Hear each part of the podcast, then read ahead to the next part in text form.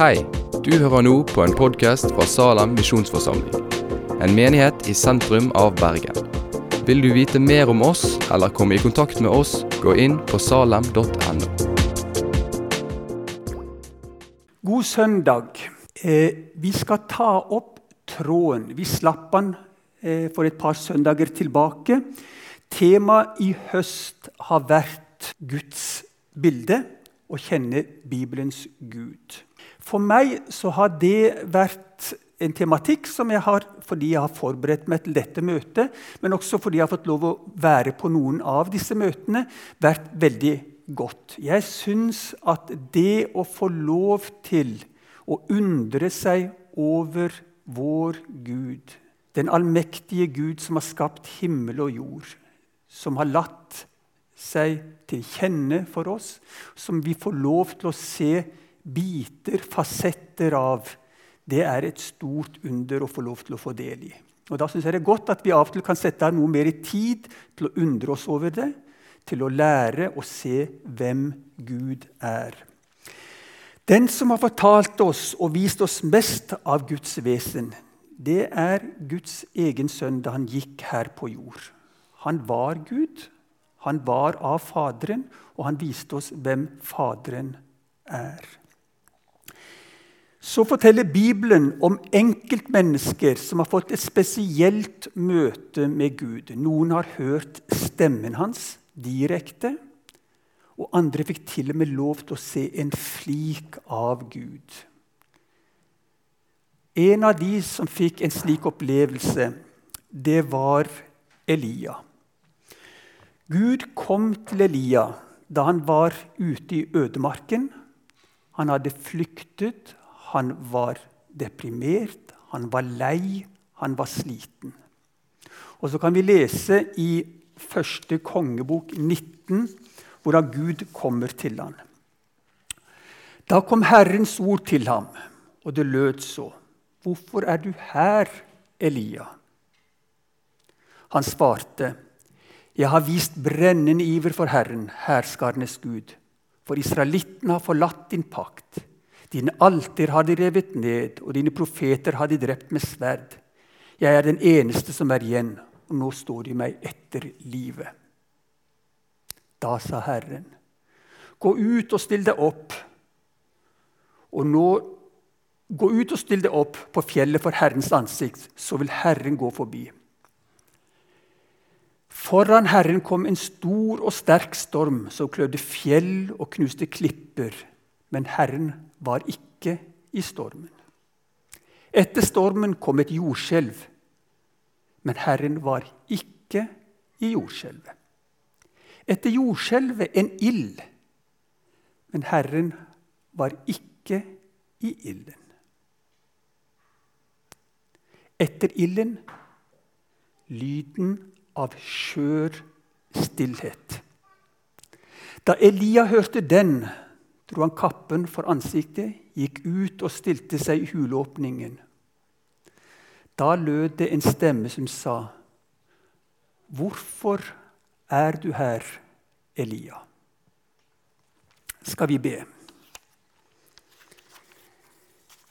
Himmelske Far, vi takker deg for at du har latt oss få kjenne deg. At du har åpenbart deg for oss. Takk for at du har gitt din Hellige Ånd, som vil vise oss mer av deg. Nå ber vi om at du gjennom dette møtet vil la oss få se mer av deg. Forny oss i et møte med deg, så vi kan leve våre liv for deg. Vi ber om at vi kan få møte deg i din Stillhet, den stillhet som du kan skape i våre sinn. Vi ber om dette i ditt navn. Amen.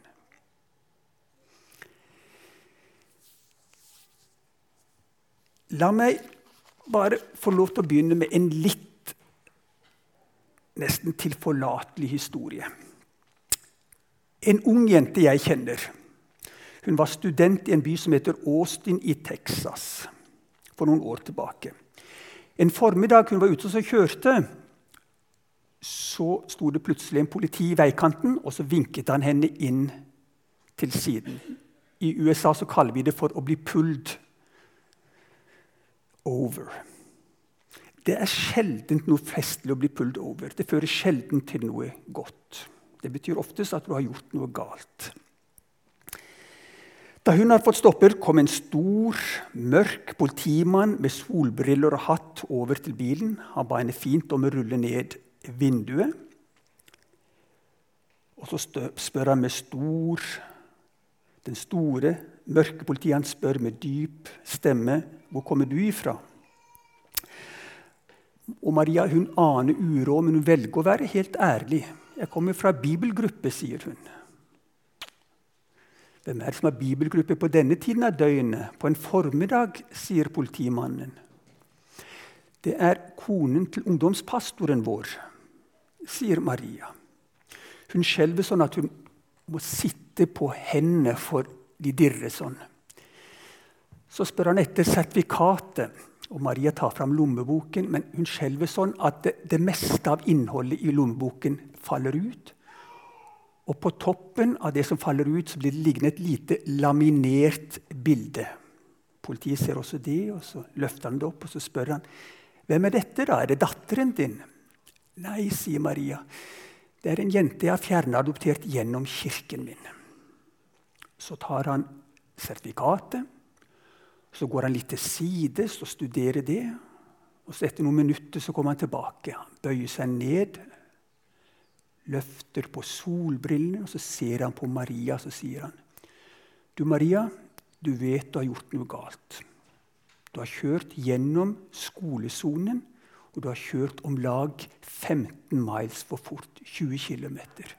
Det er alvorlig i Texas. Men, sier han, en jente med navnet Maria som kommer ifra bibelgruppe, og som har fjernadoptert en jente gjennom kirken sin. Hun vet også sikkert hva nåde er, what grace is. I dag skal du få lov å lære det på nytt, sier han. Nå skal vi la nåde gå for rett. Kjør videre, Maria, og glem ikke hva du lærte i dag. Maria var knapt kommet hjem før hun ringte sin far og fortalte historien. Det er datteren vår det handler om. Vi skal ikke tale ut fra denne teksten, men vi skal gå til en annen tekst. Og det er en tekst som David Skutlaberg brukte da han talte om Guds kjærlighet. Og Guds kjærlighet er nærmest synonymt med Guds nåde. Det er Guds nåde det skal handle om i dag. Og Vi skal gå til Lukas 15, og vi skal lese om da den bortkomne sønnen kom hjem til sin far. Vi kan godt reise oss når vi leser det. Så får vi strekt litt på oss også. Jesus sa en mann hadde to sønner. Den yngste sa til faren, 'Far, gi meg den delen av formuen som faller på meg.' Han skiftet da sin eiendom mellom dem. Ikke mange dager etter solgte den yngste sønnen alt sitt og dro til et land langt borte. Der sløste han bort formuen sin i et vilt liv. Men da han hadde satt alt over styr, kom det en svær hungersnød over landet, og han begynte å lide nød. Da gikk han og søkte tilhold hos en av innbyggerne der i landet, og mannen sendte ham ut på markene sine for å passe grisene. Han ønsket bare å få mette seg med de, de bellfluktene som grisene åt, og ingen ga ham noe. Da kom han til seg selv og sa.: Hvor mange leiekarer hjemme hos min far har ikke mat i overflod, mens jeg går her og sulter i hjel? Jeg vil bryte opp og gå til min far og si, Far, jeg har syndet mot himmelen og mot deg. Jeg fortjener ikke lenger å være en sønn.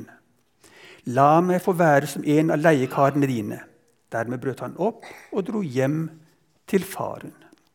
Da han ennå var langt borte, fikk faren se han, og han fikk inderlig medfølelse med han. Han løp han i møte, kastet seg om halsen på ham og kysset ham. 'Sønn', sa han. 'Sønn', sa far. 'Far, jeg har syndet mot himmelen og mot deg.' 'Jeg fortjener ikke lenger å være sønnen din.' Men faren sa til tjenerne sine.: Skynd dere, finn fram de fineste klærne og ta dem på ham. Gi ham ring på fingeren og sko på føttene. Og hent gjøkalven og slakt den, så vil vi spise og holde fest. For denne sønnen min var død og er blitt levende. Han var kommet bort og funnet. Og så begynte festen og gleden. Vi gir oss der.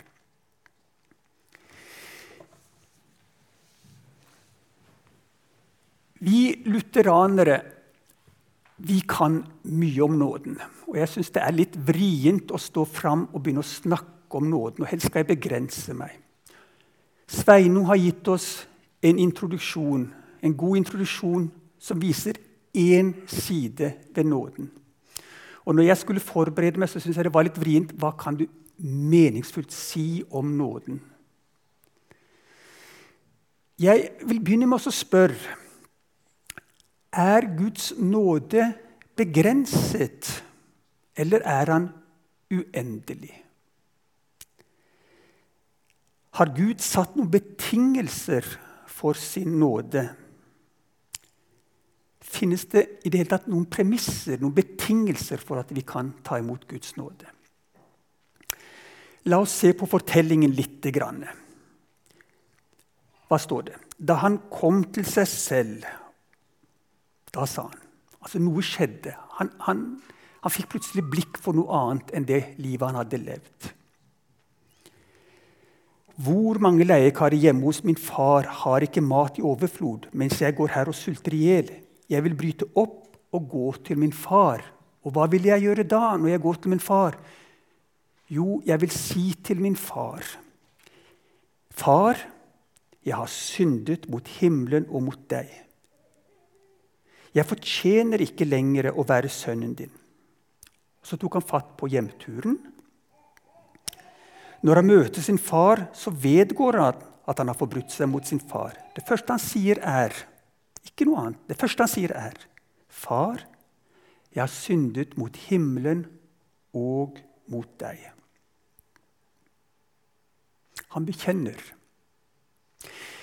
I vår serie om gudsbildet så har det stått på programmet at vi også skal snakke om Gud som den vrede og hellige Gud.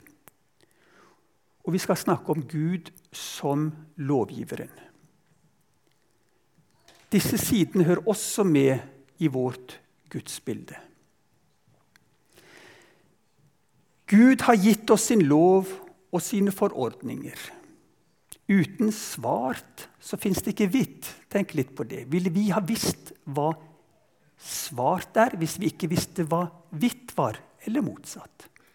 Ville vi ha visst hva lys er, uten at det fantes et mørke? Eller motsatt. Ville vi ha visst hva mørke var, hvis ikke vi visste hva lys var? Uten at det finnes rett, så finnes det heller ikke noe galt i vår oppfattelse av virkeligheten. Og til slutt uten dom så fins det heller ikke nåde. Når vi snakker om en nådig Gud, så er vi nødt til også å dvele ved den dømmende Gud. Når vi sier at så høyt har Gud elsket verden at han ga sin sønn den enbårne, for at hver den som tror på ham, ikke skal gå fortapt, så ligger det i det at det fins to alternativer. Og Noe senere så sier Jesus det er ikke det at jeg kommer for å dømme, for vi er allerede dømt. Så jeg erkjenner at Gud er suveren. Gud er både lovgiver og dommer. Dette er utgangspunktet hvis vi skal snakke om nåde. Når vi bryter disse lovene, sier ikke Gud vi glemmer det. Vi hopper over det. Nei, den fullkomne Gud kan ikke koste det under teppet. Han må ta oppgjør med synd, det som ikke er av det gode. Den bortkomne sønnen vedkjenner seg sin synd. Allerede på lang avstand før noen bekjennelse har faren inderlig medfølelse med han. Det står ikke på det. Faren har inderlig medfølelse med han, på lang avstand. Det står ikke på farens kjærlighet. Faren står klar til å ta ham tilbake som sin sønn. Det kan vitne om at han har lengtet etter denne stunden, faren, som sitter og speider nedover landeveien for å se om ikke sønnen skulle komme. Nå er han klar til å lage en, gi han tilbake rettigheten som sønn med ring og nye klær, og han vil feire med fest. Men først så stotrer sønnen fram sin bekjennelse. I 1. Johannes, første kapittel, så står det Men dersom vi bekjenner våre synder, er Han trofast og rettferdig, så Han tilgir oss syndene og renser oss fra all urett. Hva vil det si å bekjenne sine synder, da? Jeg tror ikke jeg kan gi et helt fullt utdypende svar. Og om jeg hadde det, så ville tiden ikke strekke til i dag.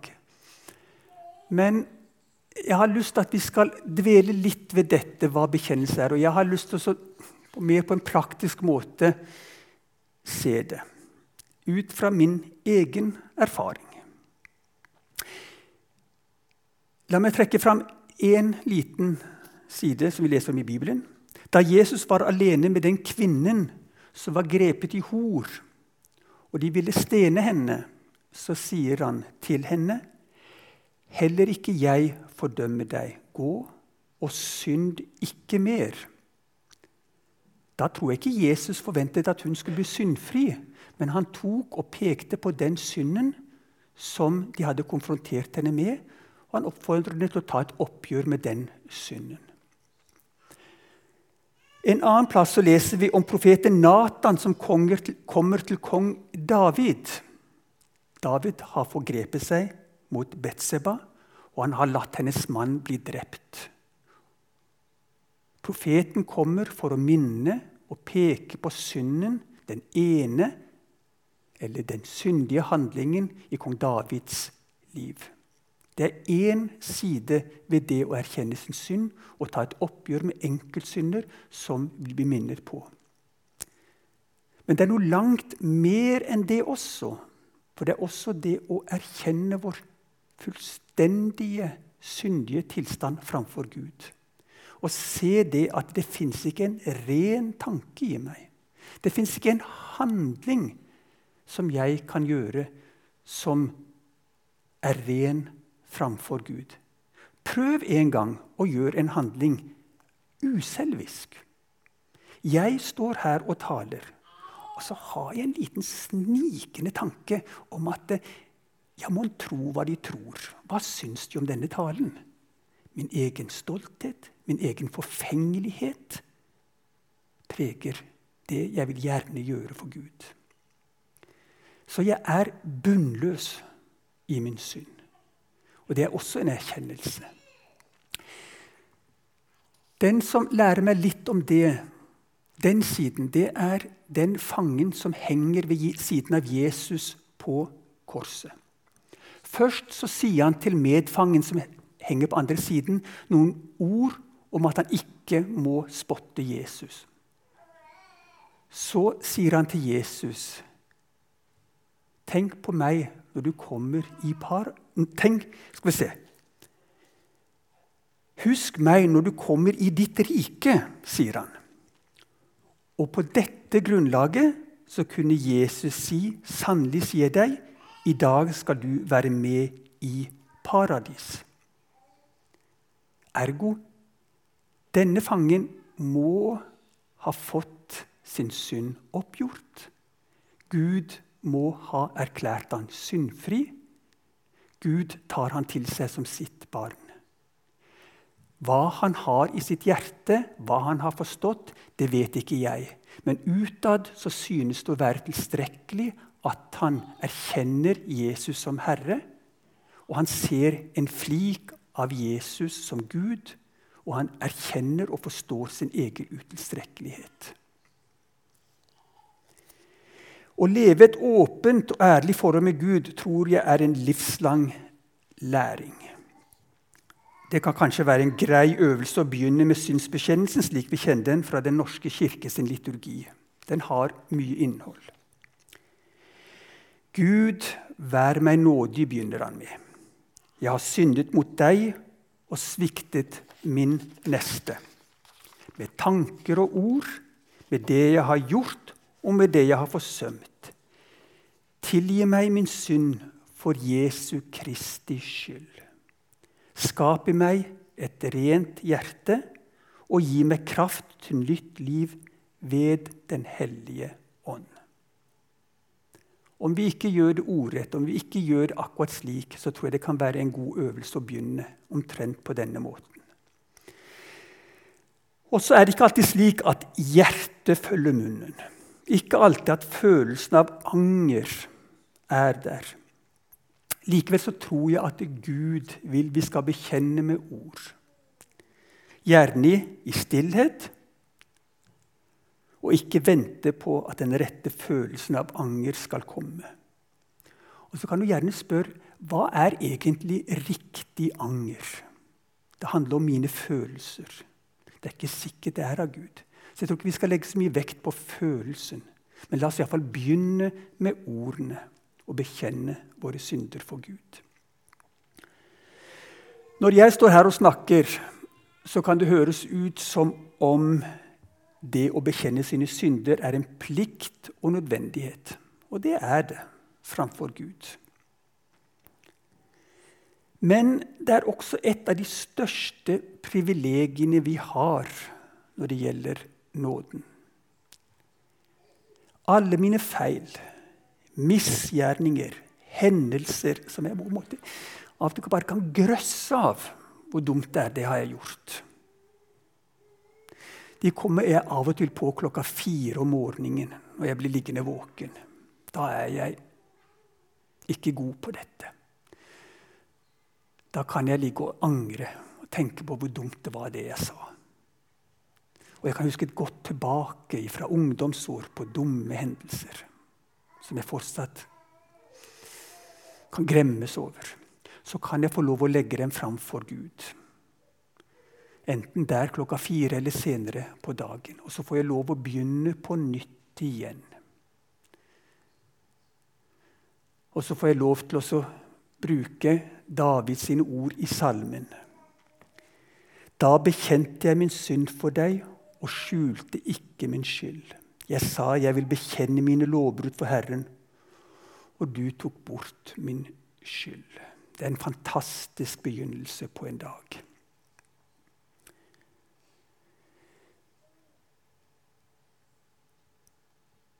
Nå har jeg snakket litt om hvordan jeg opplever det å få lov å leve i nåden. Hvordan vi har det når vi får lov å ta imot nåden, når vi får lov til å bekjenne.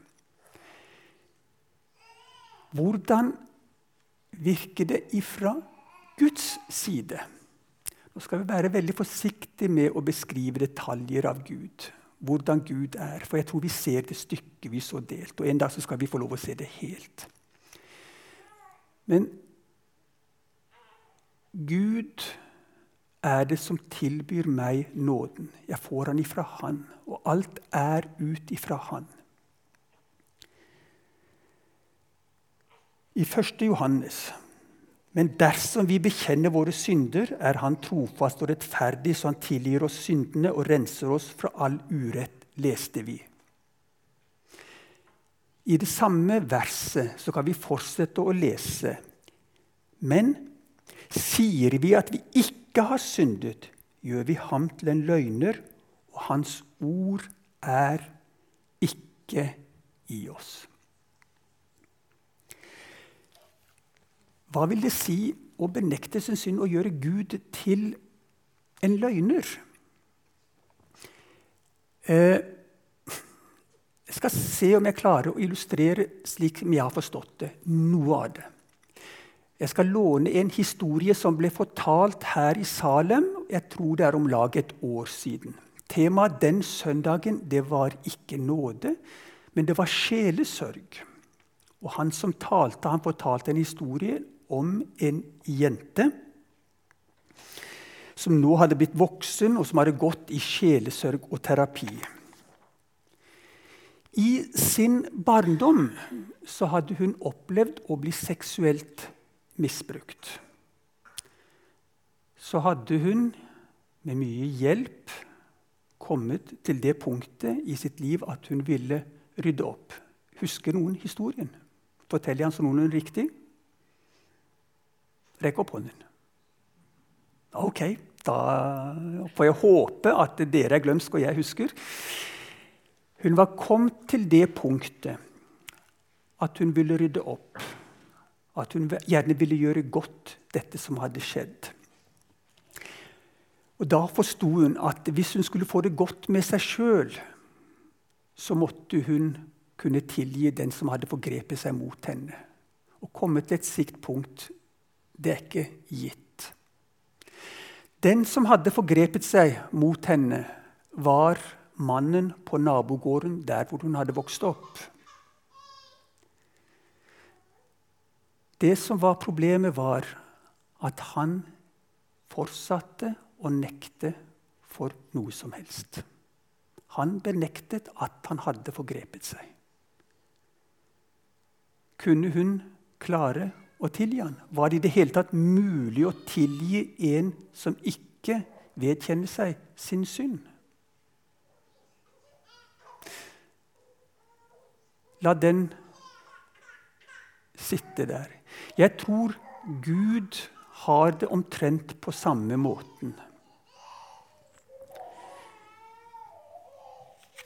Gud vil så inderlig gjerne tilgi alle mennesker.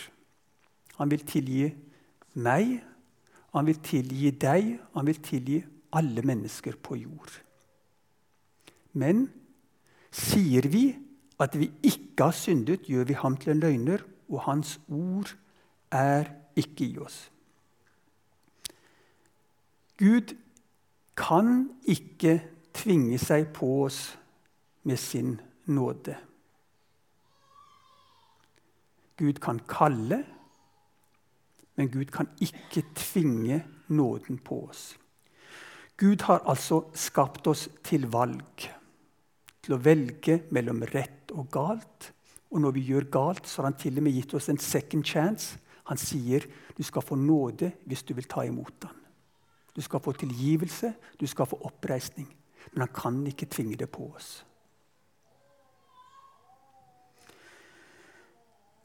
Men han må gjøre et oppgjør. Han kan ikke bare glemme. Han kan ikke bare koste det under teppet. Det kunne heller ikke denne jenten som hadde opplevd overgrepet. Hun måtte gjøre et oppgjør med mannen for å kunne tilgi. Gud hjelper meg i denne prosessen. Gud har gitt meg sine bud, sine forordninger i Bibelen. Og Gjennom Bibelen så gir han meg også målestokken på hvordan jeg skal måles. Gjennom Jesu liv først og fremst så har han vist meg hva som er rett, hva som er godt, hva som er etter hans vilje. Mot denne målestokken skal jeg måles. Så vi har det i Bibelen. Vi har til og med et snev av Guds gode vilje i oss, som Paulus snakker om i romerbrevet. Selv hedningene kjenner Guds vilje i seg. Fra skapelsen av så har vi vår, vår samvittighet som forteller oss hva rett er. Men Gud gir seg ikke med det. Han har også gitt oss sin Hellige Ånd.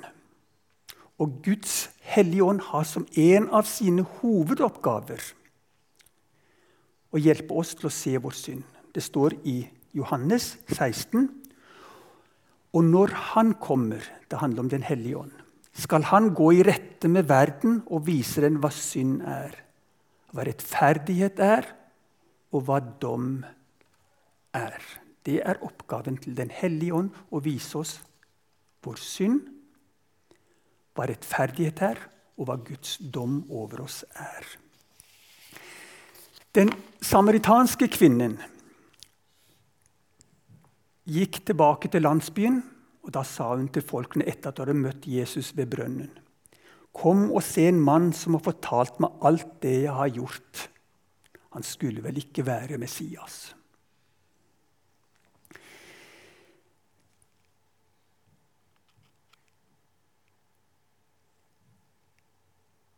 Så dukker det en liten sånn en tanke opp i hodet mitt. Så hva med de syndene som jeg ikke klarer å legge vekk? De som er så søte, som er så gode å leve i at jeg ikke klarer å bryte dem. Er det noen som har opplevd den situasjonen? Jeg kan fortelle at jeg har det. I flere år levd med synd som Gud peker på og sier, og jeg vet det så inderlig vel, dette er ikke av Gud. Dette fører ikke til godt. Men det er søtt, det er godt. Hva gjør jeg med den synden?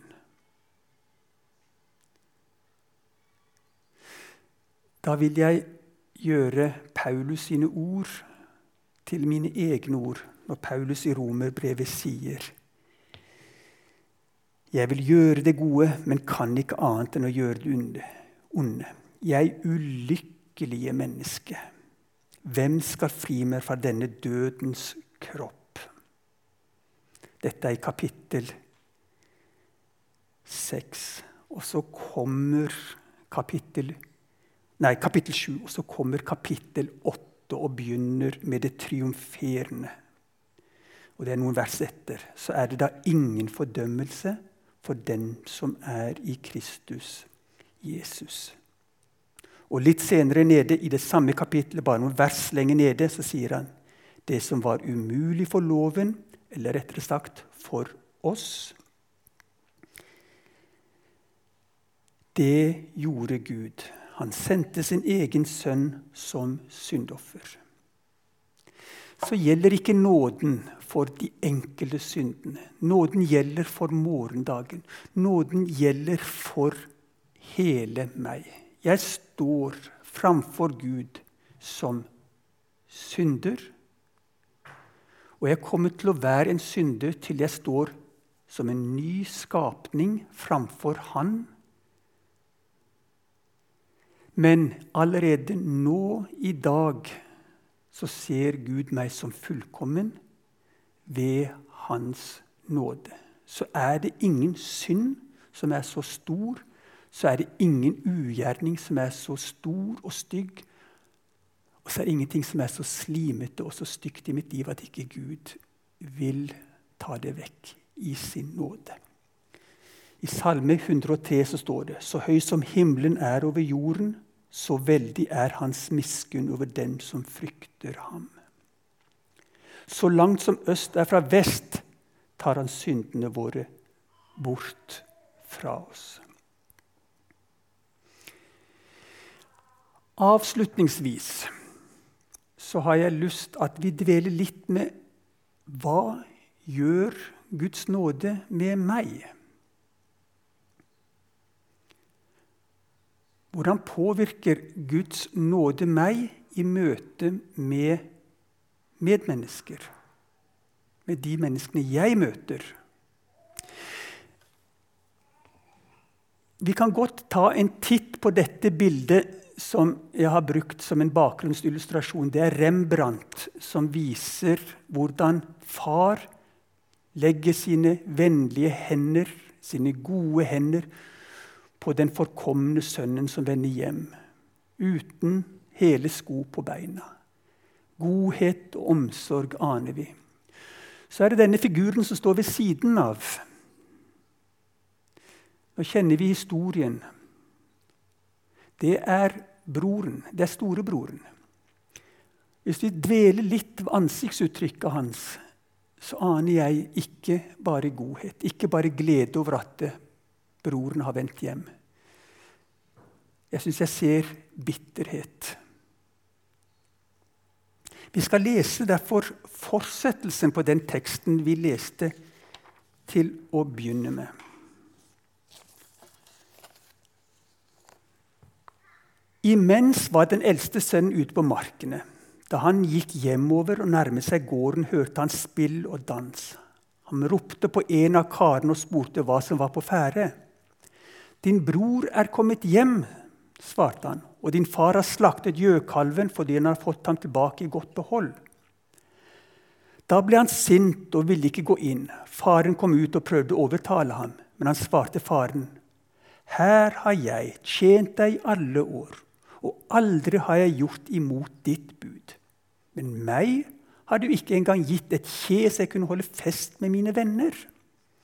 Men straks denne sønnen din kommer hjem, han som har sløst bort pengene dine sammen med horer, da slakter du gjøkalven for ham. Faren sa til ham, barnet mitt, du er alltid hos meg, og alt mitt er ditt. Men nå må vi holde fest og være glade, for denne broren din var død og er blitt levende. Han var kommet bort og er funnet igjen.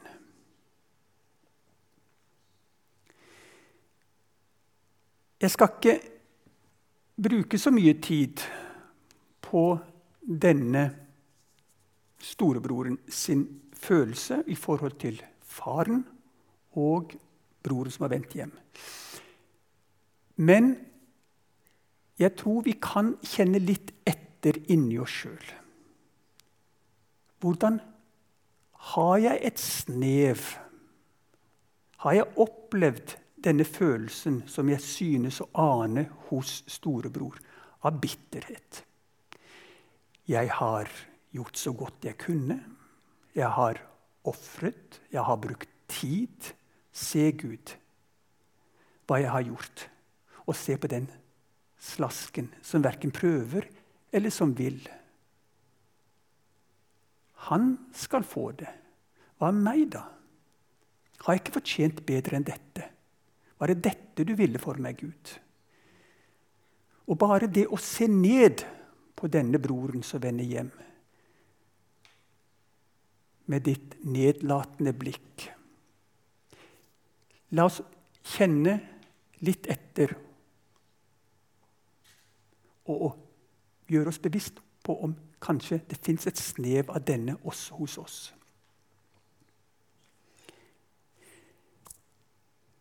Jeg har lyst helt til slutt å oppsummere med et enkelt vers som vi leser i Kolosserne, det tredje kapitlet. Dere er Guds utvalgte helliget og elsket av ham. Kle dere derfor i inderlig medfølelse og vær gode, milde, ydmyke og tålmodige, så dere bærer over med hverandre og tilgir hverandre hvis den ene har noe å bebreide den andre. Som Herren har tilgitt dere, skal dere tilgi hverandre. Dere er Guds utvalgte helliget og elsket av ham. Og så får jeg lov til å føye til av nåde. Gå du og gjør likeså, sier Herren, som har tilgitt meg alt.